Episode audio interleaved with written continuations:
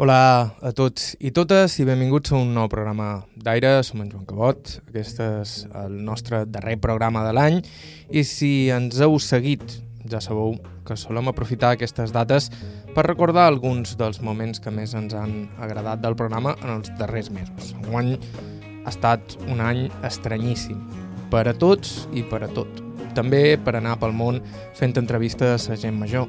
De fet, el programa d'avui i gairebé tots els programes d'aire d'enguany els estan fent des de casa, enregistrant les veus dins un lavabo insonoritzat, editant nosaltres mateixos l'àudio, una feina que fem molt a gust perquè, especialment en guany, han trobat un conhort especial en les vides i en les memòries de molts dels nostres entrevistats, sobretot quan es parlen de la guerra civil, la postguerra, la fam i les estretors per les quals varen passar i que varen superar.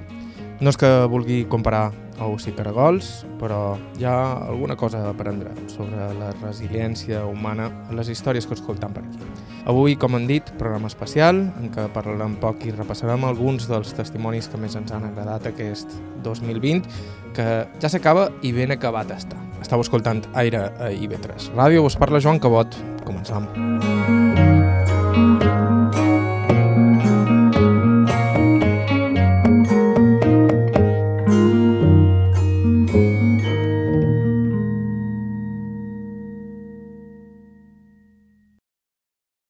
En Paco Mulet, realitzador, fabulador i amic, vàrem estrenar una nova vena d'entrevistes. Enguany ha estat habitual entrevistar gent de la cultura, noms com Antoni Gost o Catalina Cantarelles, gent que està un poc de tornada i no té res a vendre, però que té discurs i coses interessants a contar. En el cas de Mulet, a més, hi ha la manera de contar-les i de romantitzar-ho tot. A més de desenes de documentals, Paco Mulet ha estat en el rodatge d'Acció Mutante, de l'Ets de la Iglesia, i és sobretot un inqué inquiet i entranyable. Mm.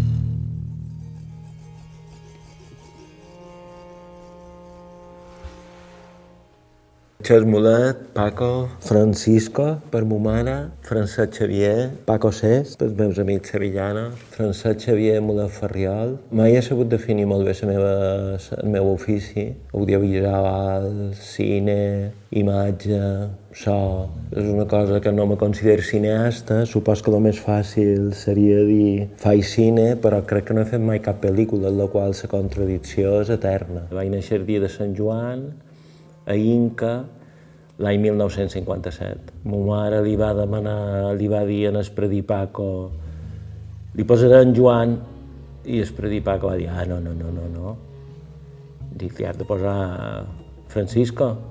Mon pare tenia cinc o sis feines, la, diguem, oficial i oficiós era carter, jo som hijo del cuerpo. Quan se varen casar mon pare i mon mare, Varen muntar una llibreria papereria en ses ties i els tios. Eh, mon pare va agafar la representació de material d'oficina i màquines d'escriure de Gilet i a la vegada tenia, havia estat empresari de cine. Ell va néixer en el camp, era d'aquells que anava amb les sabates a la mà fins que arribaven al poble. M'agrada contar que en els 9 anys va guanyar el seu primer jornal, Quint Tabac, i mos contava que eren una fila de lots que anaven a una ratxa i diguem lo que era l'amo o el capatàs anava amb una verga darrere darrere i el qui perdia la fila li pegava les cames. No? En els 9 anys ja feia feina, va estudiar, crec que al vespre se va treure el que se digués graduat alguna cosa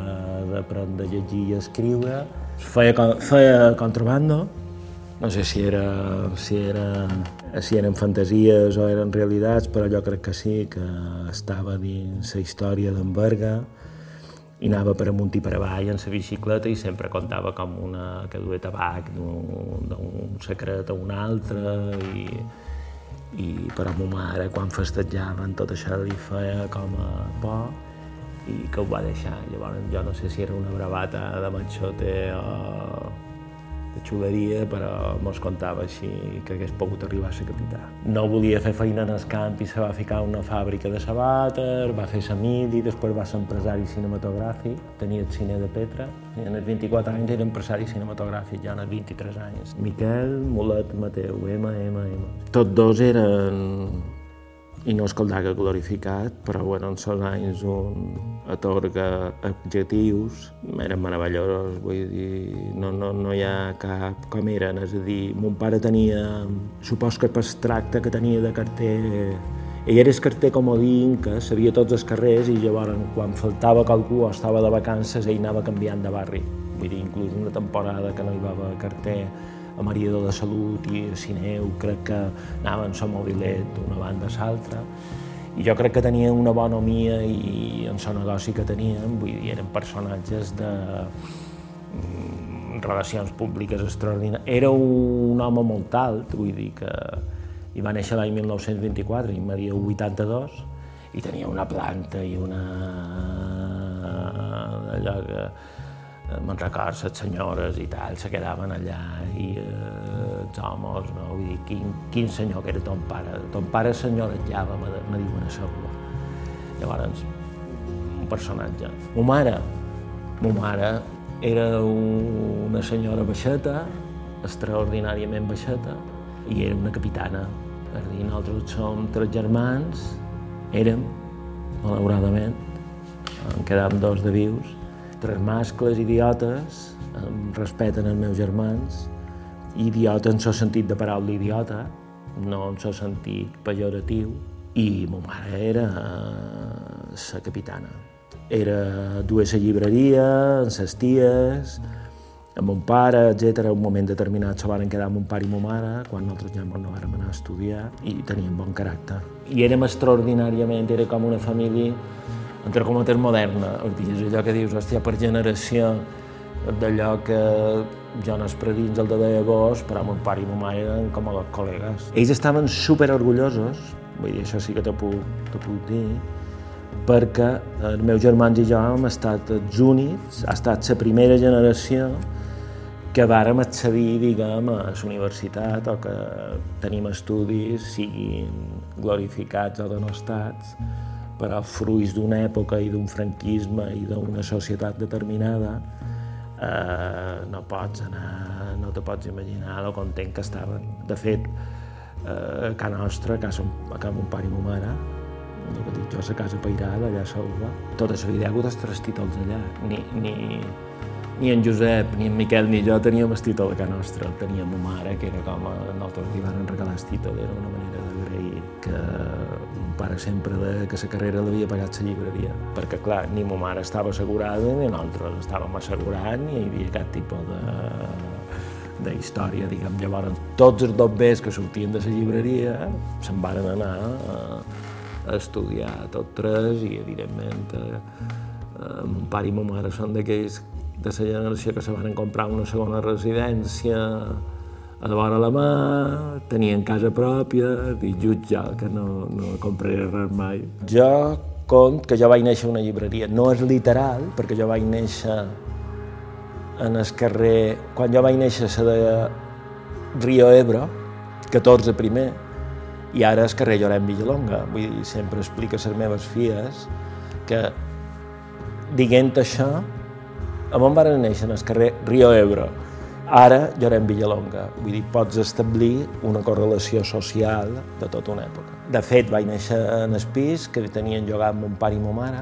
El meu germà Miquel, que duia 15 mesos, que és gran, era gran, va néixer en el carrer Barco, i en canvi en Josep, que té 4 anys menys que jo, va néixer ja a la clínica, allà a Inca. Però jo sempre dic que he nascut a la llibreria perquè els meus records primers, no sé si tenia un any, si tenia dos anys, si ja havien muntat la llibreria quan jo ja havia nascut, no sé exactament, jo crec que degueren muntar la llibreria al 57, al 58, no ho sé, això t'ho podria averiguar exactament i era una llibreria papereria en el centre d'Inca, en el carrer Jaume Mangol, a un xaflà, i la vàrem traspassar quan jo tenia 25 anys, és a dir, ja te pots imaginar. Era, era un xaflà, val? t'has d'imaginar un xaflà amb un, dos, tres escaparates i tot un altre accessori, que era on hi havia tot el material d'oficina i màquines d'escriure, però t'estic dient taules d'oficina, és a dir, grande, grande. En aquest xaflà hi havia tres escaparates, que n'hi havia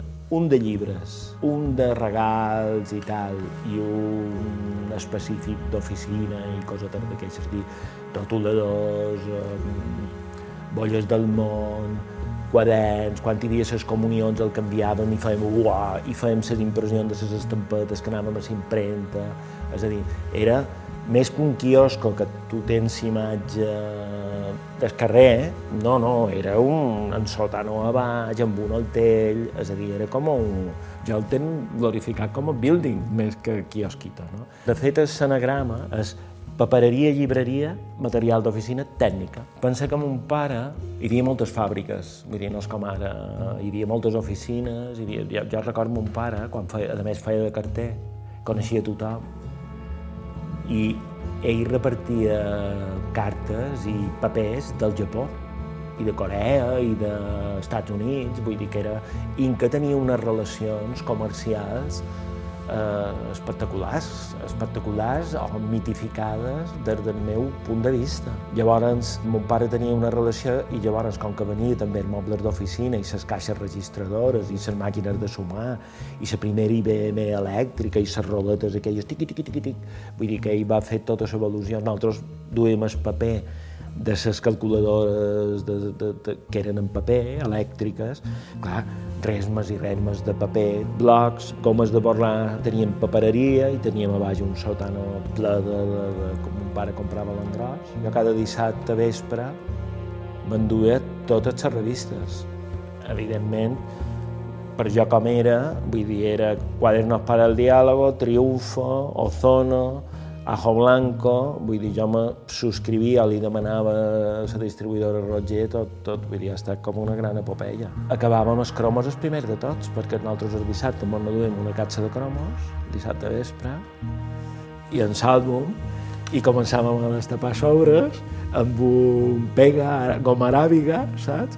I anàvem posant i després el de tornàvem a ficar en els sobres. Era totalment aleatori, però clar, sempre acabàvem i el de tornàvem a vendre. Nosaltres jugàvem a la plaça d'esport, però també jugàvem a la llibreria. Jo crec que vaig aprendre a anar en bicicleta pel centre. O jo, per exemple, tenc molt mitificat. Hi havia un baret on hi havia cara i armetge, que era com una espècie de colom. Saps aquests cafès de poble però que també tenen els coloms? O, per exemple, hi havia la Constanci, que era meravellós, que era en el carrer Major. Després hi havia hi havia el barri on vivien nosaltres, que mos tiraven pedres, tots els del barri, això que dius, del nin de sempre, i després hi havia la llibreria, que era el centre, on també hi havia una altra, una, una altra vida, no? i fèiem uns altres contactes. I érem de l'acadèmia. Jo me'n record que el meu gran amic, en Tolo, jugàvem a bolles, anàvem, anàvem de, de l'acadèmia, ens aturàvem a casa seva, i de casa seva ell me deia, t'acompanya a, a ca teva, mon anàvem i seguíem, i bueno, mos renyaven a tots dos, perquè tardàvem per arribar de l'escola a casa nostra, a millor, ja no sé si eren 30 minuts o 40 minuts, però és que jugàvem a bolles, i hi havia un parell de costes, i la bolla, com que tornava enrere, clar, jo crec que tot era molt gris. Jo, per dir, aquesta imatge que te conta del franquisme, jo crec que era realment, ho vivies cada dia, després de dilluns vers dimarts, després de dimarts vers dimecres, després de dimecres fins al diumenge i torna a començar dilluns. És a dir, i cada dia vas a escola, jo anava a la llibreria, tenies les teves discussions amb la padrina, amb ton pare i ta mare, amb els teus germans, amb els amics, començaves a, a enrabanar, Ardita demanaves si podries boixar aviat o no, estàvem tot molt reprimits. Jo sí que record por de morir-me en pecat. Jo he fet d'escola Santa Maria la Mallor, m'agradava. Eh, me'n recordo que el capellà te deia, posa més vi, més vi, més vi, més vi, més vi. Vull dir, era com un rite, supos que era aquesta part de pallasso, o de teatre, o de ritual, que tal, però jo record que quan arribava la Corema o la Pasco i tapaven els sants i era tot lila, aquells discursos que te feien, i me'n record que se va morir quan jo tenia 9, 10, 11, 12 anys, veïnat per, per paret de Can Nostra, d'un tumor, i jo cada vegada que pareixia que tenia mal de cap, me moriré i me moriré en pecat, saps? Era tot com a, com a, com a una... Hi havia molta repressió, vull dir. Tu pensa que jo anava a una escola que te passaven el dit per aquí I si es dit no se veia, t'enviaven a casa teva en el barber. Te miraven les soles de les sabates, és a dir, jo formava files, és a dir, tot era com a... No era exactament militar, però, per exemple, jo que vaig ser fundador, cofundador de l'obra cultural Balear Inca quan jo tenia 16 o 17 anys, a mi m'ha vengut la secreta a suspendre una projecció d'ornitòlegs de la bufera d'uns inglesos que venien, que nosaltres contactàvem, perquè posàvem el pòster en català. És a dir, a mi, a les primeres festes populars, a l'Ajuntament me de... i me va sobre un greu de s'ànima. Jo vaig anar a cercar una escala per enfilar-nos i decorar tota la plaça Major i me van dir, carteret, ja està bé, de lo que, que vos pensau que és poble vostre. Això, el regidor de festes de, de l'Ajuntament, que te diguin carteret, que no puguis utilitzar... I, I jo li deia, però l'Ajuntament no és de tots. Aquesta escala no la podem emplear. Bé, tu dit de jovenots, de... Jo crec que, si no la primera, una de les tres primeres. La primera feina que fèrem, febrer de 1982, de fet en Pep me va cridar, se va enterar que havia vengut a Mallorca, me va cridar a la llibreria, me diu, ara podries venir a ajudar-me que m'ha sortit un congrés d'òptiques a l'auditorium i una exposició de pintura a una galeria. A partir d'aquí, tinguen el cap, magnificat o no, vàrem organitzar una exposició en el Col·legi d'Arquitectes de videoart. Jo estava molt ficat a històries de videoart, que eren elucubracions, paes mentals i experiments visuals i unes coses. Nam Pai, que era un dels nostres déus, distorsions de colors i superposició d'imatges i sense cap tipus de narrativa. I arrel d'això jo crec que varen fer coneixença en cultura de l'Ajuntament de Palma i en premsa i mos varen encarregar o nosaltres el de varen vendre, no t'ho sabria dir, tot era anava com a la part.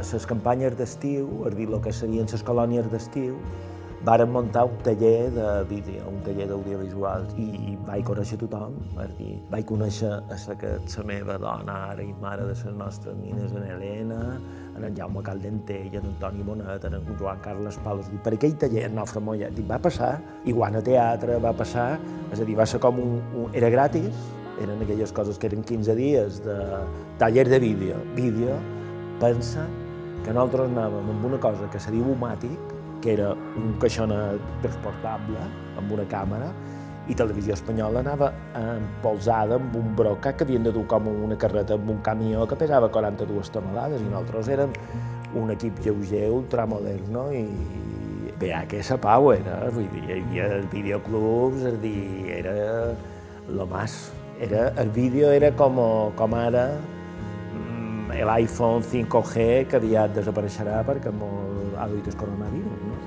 Vaig aquí a crear vídeo 1 ell tot sol en Rosana, la seva companya, això devia ser setembre-octubre de 1981, jo era a Sevilla, en Pep ja era a Barcelona, nosaltres sempre dèiem, quan estudiàvem, que si tornàvem a Mallorca faríem una plataforma cinematogràfica, dins el rotllo del vídeo comunitari, de, i al final pues, va muntar una SL que va aconseguir que son pare li deixés 4 milions de pessetes. Era bastant cara la tecnologia en aquell moment. I quan jo vaig entrar al febrer a Vídeo 1, amb en Pep, el que parlàrem és ell tenia una mala consciència horrorosa. Si en 3 anys he tornat a 4 milions, no vull esperar 4, és a dir, l'objectiu era tornar tot bé a son pare i després sí que podíem fer una plataforma o fer un garatge o fer el que tu li vulguis dir, no? Llavors fèiem feina escarada, tot el que mos sortia i més, de vídeo, que estava eh, eh, pujant, saps? Pujant, pujant, però, per exemple, una conversa en l'àrea cultural de la Caixa era, hòstia, nosaltres estem fent diapositives de, com a element modern, i nosaltres proposàvem vídeo, vull dir, vídeo era una cosa que no apareixia... Sí, però no, saps? Vaig estar una pel·lícula d'Antonio Chavarrías amb Ana Maria Barranco i en, i en Mathieu, Mathieu Carrier, a Barcelona. De Barcelona crec que vàrem fer el baile del pato a Madrid amb en Resines i una Verónica Forqué. Me'n vaig anar a Bilbao amb Enrique Uspizu a fer Todo por la pasta i a Bilbao vaig conèixer eh, en Alex de la Iglesia, que era el director d'art de Todo por la Pasta. I ell Quan mentre fèiem Todo por la pasta, ell tenia un curtmetratge que se deia Piratas de l'Espacio, va contactar amb la productora de Almodóvar, del Deseo, que estava cercant nous valores i tenia ganes de produir pel·lícules que no fossin seves. Me'n record que se'n va anar, va fer una fuita a Madrid i va venir excitadíssim, no, un largo, ha dicho, le ha encantado la idea, tenemos que hacer un largo, tenemos que... i se va convertir en Acción Mutante, i evidentment l'equip que estava a Todo por la Pasta, dir, Carles Gussi, director de fotografia, tot el seu comando marrón, que era tot d'art, Narri, en Biafra... Si antes te contava o xerràvem tu demanaves què era el 76, què era el 77, que era com a mollar una pandilla de cavalls per la ciutat i a veure si caguen o pixen, o corren, o caminen, o mengen serva de, de xeta de, de, de jardins, pues, estan parlant de l'any 91, és dir, que és una altra fase, 20 anys o de 8 anys després, digue-li l'Expo de Sevilla i digue-li les Olimpiades de Barcelona, vaya gran fiasco tot, és a dir, que ja és la batomada grossa, saps? Pues nosaltres, quan se feien les Olimpiades a Barcelona i hi havia l'Expo de Sevilla, estaven rodant a un, entre, Pinto, entre Pinto i Valdemoro a un magatzem d'un polígono industrial, estaven rodant una pel·lícula de ciència-ficció, Gamberra, Planeta Asturias i eh, a l'orilla allà a Bilbao també, vull dir no, perquè que mos apedreaven, perquè eren de Madrid, i era tot anaves de, Dios mío, que nos apedrean en Bilbao, i que és un puta i vasco, saps?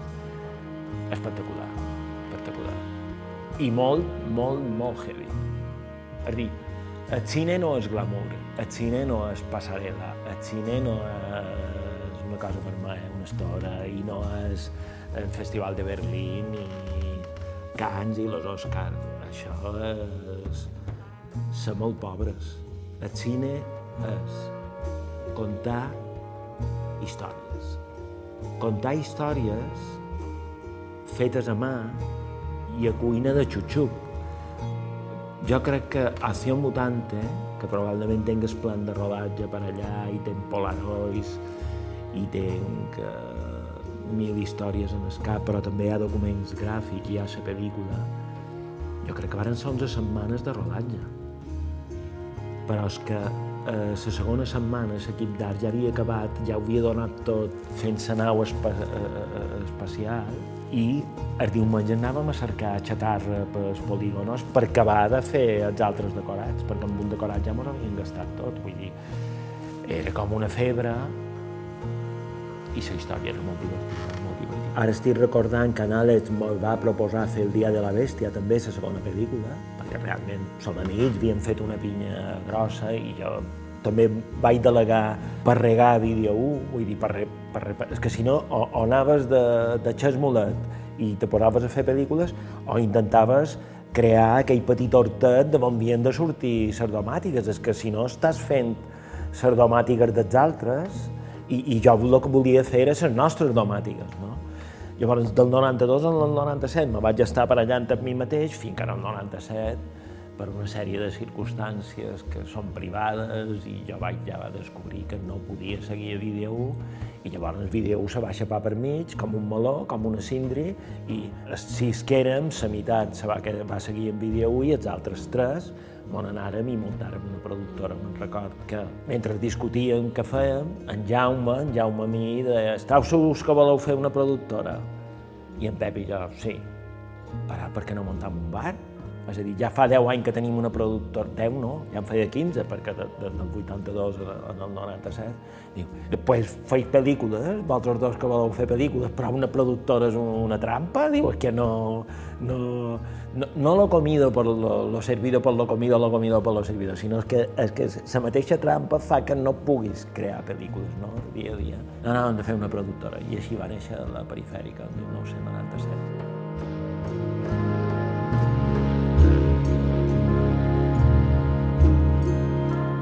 Era Paco Mulat, realitzador, director de la productora La Perifèrica i el protagonista del primer programa post-confinament d'aire.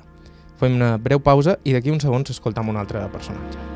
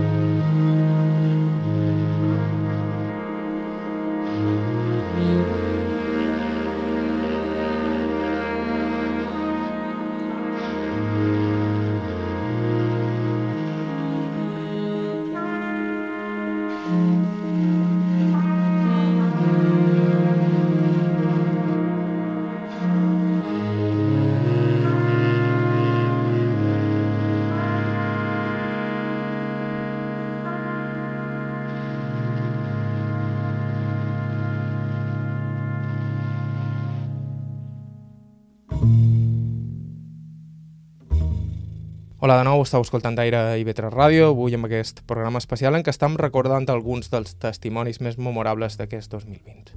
A l'amo Antoni Vallès el vàrem conèixer a través del pintor Tòfol Sastre.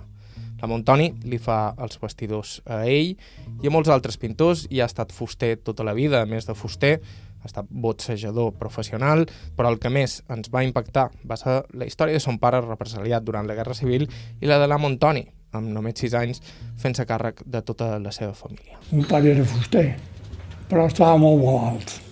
Estava, estava tuberculós. I jo li havia ajudat tot el que podia. I com que força me'n sobrava, anava menjant el que podíem. Però van tenir la sort de que van dur un destacament de soldats en el poble. I jo me feren l'ajudant des que duia el botiquín. I el corter estava separat del botiquín. I els de matins, quan anava jo en el botiquín, a ajudar en el, en el que duia el botiquín, i me'n duia una letxera i la deixava en el botiquín. Me'n anàvem en el corter i duíem el cafè llet per tots els malalts que hi havia. Que n'hi havia, potser una vintena, eh?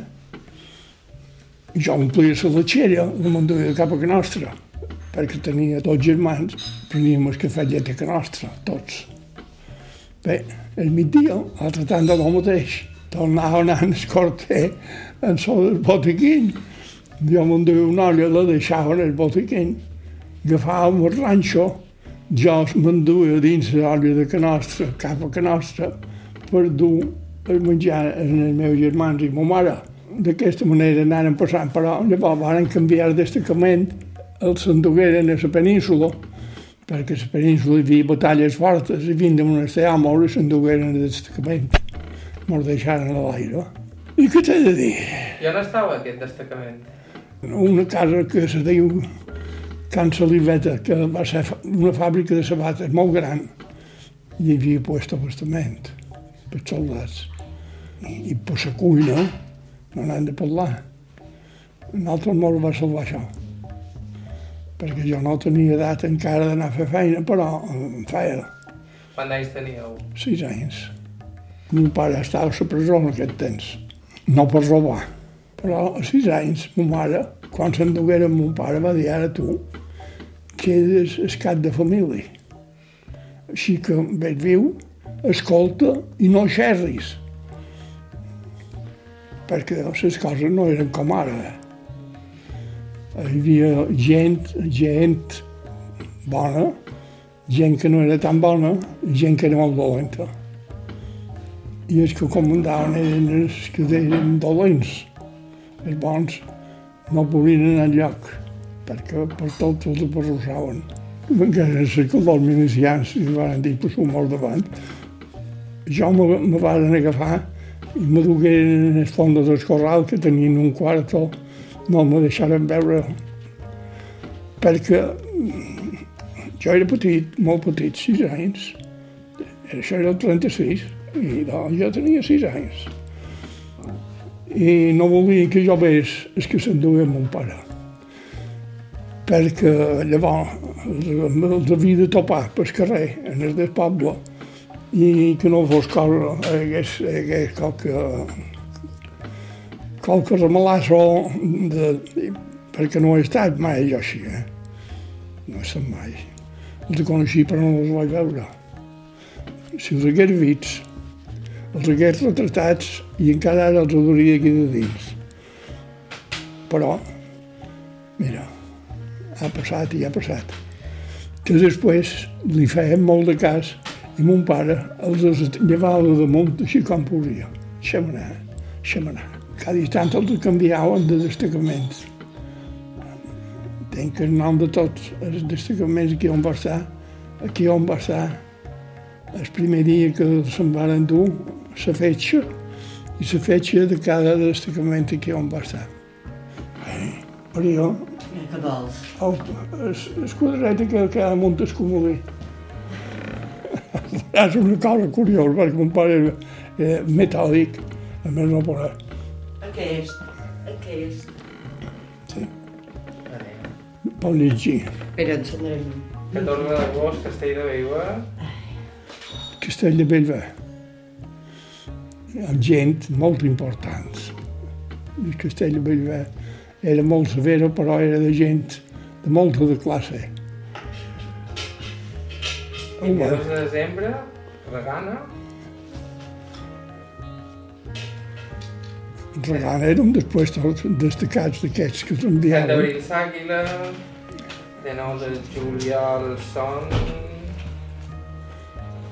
Eh, no ho sé, setembre, Albufera. Eh, novembre, Espinagà. 1938, 9 de juny. Increïble. Són les dates de la presó i com anava canviant. Dos anys, nou mesos i dos dies. I com així el varen, el varen agafar? Mon pare era, era republicà i durant el fet de la república va ser concejal de, de la batllia de, de, del poble. Varen fer l'escola graduada, que no fa massa anys, el que era director, el que era el director ja me va dir ton pare, és el causant de l'escola aquesta. Una escola de Pere Viva encara s'aguanta la mare de bé, eh, i perquè creia en la ensenyança eh, laica, no això de, de, de, de capellans i monges, com que li havien, fet l'abús, eh, no anava d'ells, i, clar, i la duen d'ell. En aquell temps, jo en això ho sé perquè he viscut les disputes que hi havia. Hi havia l'apotecari don Gabriel Llebrés, que és l'apotecaria d'Escat de Cantó. Llavors hi havia l'altra apotecaria, eh, que era don Bernat Nadal. I, i quan s'apareaven, això en públic, el cafè, i don, i don Bernat eh, li tirava conyes a don Gabriel, perquè ja la apotecaria, una paraula, tenia poca tirada. I, i, i don Bernat era, era l'home. I se'n reia de don Gabriel. I don Gabriel li deia jo, tenc una carrera. Meva onyada estudiant, no com tu, que posat la pistola damunt la taula i ve tenir aprovat. Això ho he sentit, no és que m'ho hagin dit, eh? Ho he sentit. I era bé, com aquests de casos n'hi ha gots així, així, així.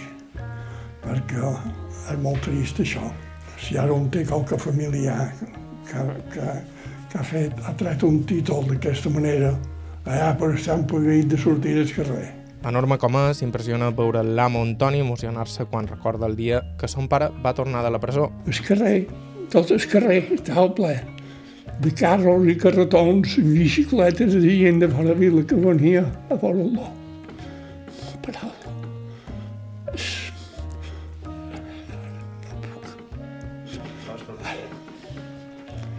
No em puc xerrar. No em puc xerrar. No em xerrar. Ho van passar molt malament i molt bé perquè la unitat de la família era molt important. El que passa és que la família érem els tres germans i ma mare. Mon pare tancat. Però els germans, els germans de mon pare, mai que venguessin a veure mon pare, ni anassin a veure-lo mai. I sin embargo, hi havia el tio Ramon, una tenda de robes que se deia Casareu, que encara existeix com a restaurant, eh? que de tant en tant agafava el cotxe i me'l duia a veure-lo. I què t'he de dir jo? Què t'he de dir? Una vida, una vida desagradable per una part i molt agradable per l'altra. Eh? Perquè hi havia gent molt bona. Però també bé havien alerta de moltes raó, eh? perquè si haguéssim vist que mos feien favors, ho haguéssim passat puta. Perquè hi havia gent que mos feia molt de cas, però havien d'estar molt alerta. En canvi, de família que tenien mai una mossegada de pa. Una mossegada de pa. Tots els germans de mon pare eren, eren fascistes, però fascistes. Hasta tenien fusella dins que seva. Jo. I revistes alemanes de guerra, eh, una paraula, eren dels, de, de, de, dels règims que llavors s'usaven, o sigui, Itàlia, Alemanya i Espanya. Era, era el que hi havia. L'única vegada, l'única. Jo anava a l'escola a les monges, el que tenia, si tu hagués espardenyes, sabates, cap. Però espardenyes foradades, fins que un dia me n'anava jo a l'escola, el carrer venia ple d'aigua, jo amb espardenyes que tocaven la pèl en terra, el tio Ramon, el de la tenda de roba de Casareu, m'agafà, me va dur quan Andreu del Molí, una drogueria que hi havia, venien de tot, va comprar unes sabates de sala d'alto, unes espardenyes d'aquestes, de lona, amb sala. Clar, per jo va ser, va ser el més gran. Havia tingut o tenia una pulmonia quan el s'endugueren. De pulmonia llavors li pegar una d'això, una, una altra malaltia que després de la pulmonia li va pegar també. Ni podia fer feina, tossint i, i sang, i bueno. I, i, i anava un metge, Palma, que estava damunt del teatre Balear, i aquest, juntament amb un tal Torre d'Agost de la Pobla, un Torre d'Agost aquest, el van xufar perquè l'operassin. I va ser un dels set primers que operaren de, del pulmó en l'Hospital de Sant Pau.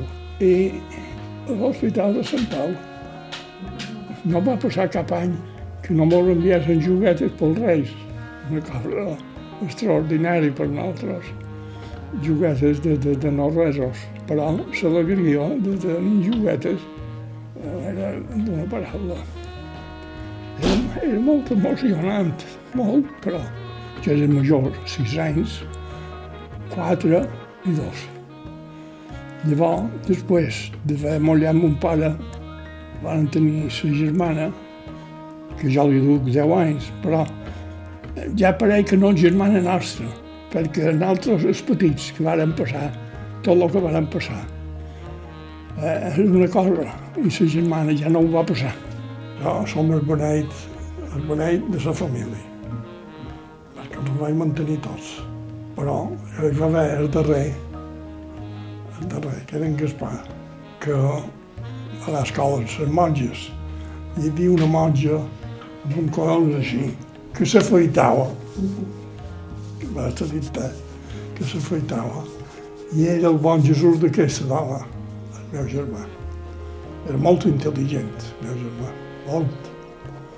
I donaves un llibre al vespre, l'endemà li demanaves qualsevol cosa del llibre.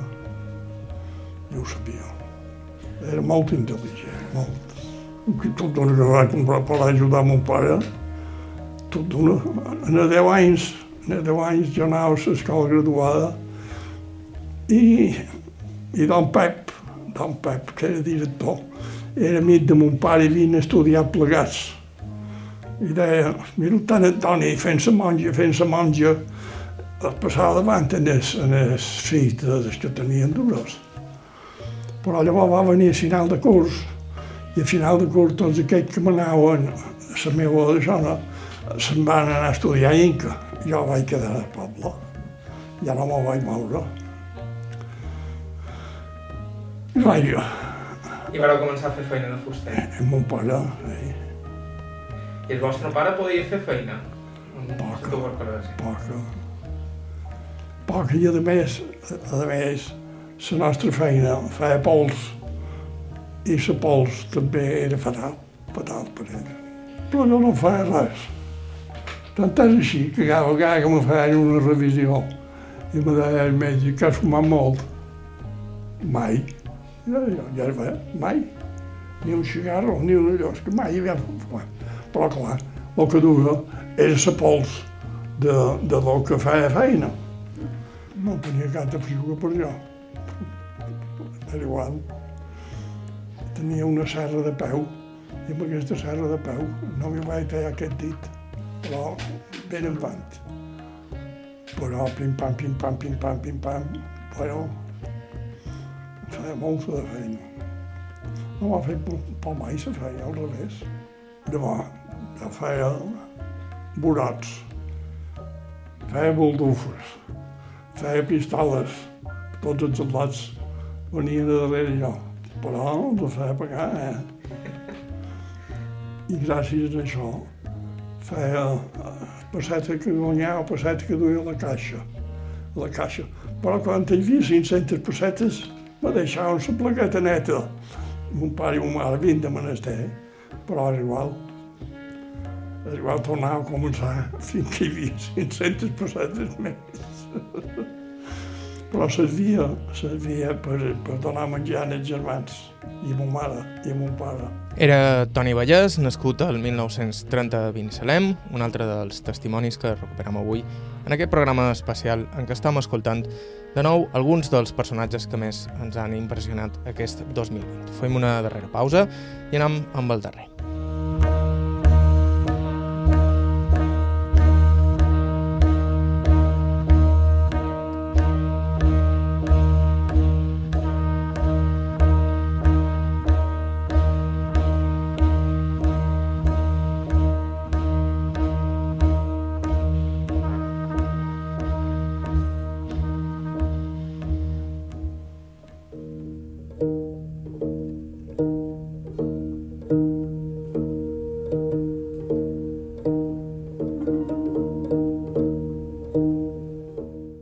Nou, estàu escoltant IB3 Ràdio, això és Aire, som en Joan Cabot, avui darrer programa de l'any i recuperant alguns dels testimonis que més ens han agradat, impressionat al llarg d'aquest any 2020. Hem sentit Paco Mulet i la Montoni Vallès i acabam amb la pollencina Antònia Polà, nascuda el 1925 i que va créixer a Cala Sant Vicenç, un testimoni ple de petits detalls que ens varen semblar meravellosos. Som Antònia Polar Bernassa, vaig néixer l'any 25, aquí a Pollença. Mon pare era pescador, era pescador i ma mare anava a vendre el peix. Tenien dues barques allà. Allà també hi havia cinc o sis barques, aquí a la Sant Vicent. Hi havia molt poques barques. Poques, molt poc, molt poc mariners hi havia molt. Perquè llavors no hi havia, no hi havia motors, anaven al ram. Jo, quan feia vent a la vela, quan jo era petita, a Sant Vicent no hi havia ningú. N'hi havia cinc o sis famílies, no hi havia ningú més. Tots eren cosins. Tots érem cosins Martí, cosins Joan, cosins Martí. Tots érem cosins, tots érem família. No hi havia ningú, ni havia, no teníem ni aigua. Tenia, hi havia un pou en Upins, i per allà i per, per, per beure, anàvem a cercar aigua d'allà. Ara, ara, i hora de dinar, me ho deien tots els xits de per allà. Anàvem a cercar aigua fresca per dinar. I anàvem a cercar en el pou aquest, aigua per allà. I per rentar, hi havia un cocons, un, un, dos, metres, un dos cent metres fora d'aquí nostra. I venia aigua tot l'any, tot l'any venia aigua d'allà. No sé, havia, que hi havia qualque banc, hi havia, venia l'aigua d'allà. I per rentar, anaven les dones, anaven a rentar allà. Mon pare, mon pare, mon pare tenia tota classe d'armatge de pescar. Perquè els altres només tenien armaiades que deien, que són xerxes. Però mon pare tenia de tot i venia i, i tenia, quan pescaven llagostes, anaven a les nances, les llagostes, perquè llavors no hi havia motors, hi havia, havien d'anar al rem i a, i a la vela. I se n'anaven, jo no, ell no va sortir mai de, de la cala de Sant Vicent. Sempre va estar, sempre va pescar a la cala de Sant Vicent. N'hi havia que se n'anaven els colombrets. Però no, mon pare no va sortir mai. Mon pare agafava molt de palangre, agafava tonyines, perquè cada any venia, cada any, cada any, cada any, venia un cop d'això de tot, de nines o atuns, però que, que, que venien 20 o 30. I se posaven davant Can Xisca, precisament. I la senyora venia corrent, sos aquí nostra, i patrón, patrón, que estan aquí, que estan aquí. I els, i els, i els, i els agafaven. I, de, i nosaltres, la llagosta, la llagosta la s'enduien per la, per la muntanya de Sant Vicent, per Coll de Silla, que va en un moll. I amunt, que, amb el això aquí damunt, s'enduia la llagosta a peu, per la muntanya. Sí, i jo crec que devia ser una horeta, havia, aquí hi havia una pesqueteria. I de matí, quan venien de, quan venien de perquè jo havia vegat o dissabtes i o diumenges. El meu germà, clar, li agradava anar al cine, li agradava molt anar al cine. I jo li deia, jo ja sortiré amb mon pare a calar les xerxes. I jo sortia amb mon pare a calar les xerxes. I ell se'n demana matí, llavors eh, sortien a llevar les xerxes, i ma mare agafava el peix, el carretet, i venia pollant-se el peix. Quan havia llevat, venia per ja, ja, ja per aquí. Mon pare era un home. Tothom que venia per, per, per pescar a Canyeta, venien aquí, anaven aquí al patró Joan a veure si els volia arreglar la, la canya i això, i a tothom els arreglava, era, era, era una bellíssima persona. I ma mare tothom la coneixia per la patrona Serra. També era també molt bona dona. Devia ser bona cuinera, o no? No tenia temps. No tenia temps? No cuinava ella? El feia jo el dinar. Ah, sí? I doncs, devíeu ser bona, bona cuinera de peix? Per, per, peix, sí. Home, fèiem arròs de peix, perquè el que fèiem més era arròs de peix. Eh? Arròs de peix, sopes de peix, eh, el peix l'estiu, i quan agafaven mus, els mussoles, aquí són, això, els agafaven i ens secàvem per l'hivern, i llavors el, el, el, quan volíem verdura i patates i això, amb aquest peix bullit, peix cada dia, peix cada dia, menjàvem, menjàvem llagosta, menjàvem crànquia, menjàvem xigales, cranys, cranys imperials, tot, tot això, tot això menjàvem. Perquè llavors n'hi havia molt de, de, de, de crànquies i xigales, tot això, n'hi havia moltíssimes. La llosa, que a la, a la nostra platja a Dimà, hi ha una roca a Dimà. Aquí, aquí va venir un i agafava crànquers i agafava xigales aquí, a la vorera de mar. Llavors hi havia de tot, però ara s'ha acabat, n'hi ha cranys, ara, perquè havia crany peluts, s'havien, els havien privats d'agafar. Si els agafaven, posaven una multa de 50, 50 no, 50.000 pessetes, no? Molt, molt de dobbers, molt de dobbers. Però ara, ara diuen que n'hi ha, com, n'hi comença a qualcun. Però està, està privat fins ara. Ni, no hi havia ni cons, perquè nosaltres quan érem petits anàvem a agafar cons i els abollíem i els posàvem en un poquet d'oli i un poquet de vinagre i berenàvem d'aquests cons i eren boníssims. Quan mos, quan mos era hora de dinar, quan era hora de dinar, el meu germà me cridava, me deia, Antoni, au, puja, que has d'anar a cercar l'aigua. Per, per veure, perquè anàvem aquí al pou de cercar aigua fresca. I jo, jo deia un poquet més, un poquet més. I jo, no sortia de l'aigua, jo estava tot el dia dins l'aigua.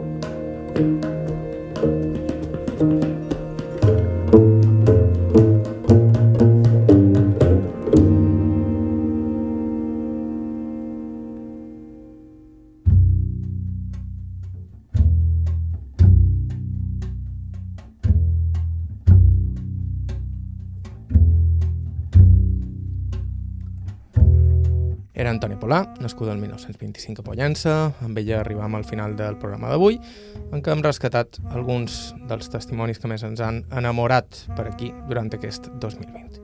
Vos record, abans d'acabar, que sempre estem cercant testimonis nous, així que si teniu alguna proposta ens podeu escriure a aire.ivetresradio.com i també vos record que podeu escoltar aquest i tots els nostres programes anteriors a ivetres.org barra carta o bé via podcast a tots els agregadors disponibles. Ens retrobam l'any 2021. Salutacions i els nostres millors desitjos per a l'any nou de part de tot l'equip del programa. Bàrbara Ferrer, a la producció executiva, vos ha parlat Joan Cabot. Gràcies per ser a l'altre costat i fins prest. Mm-hmm.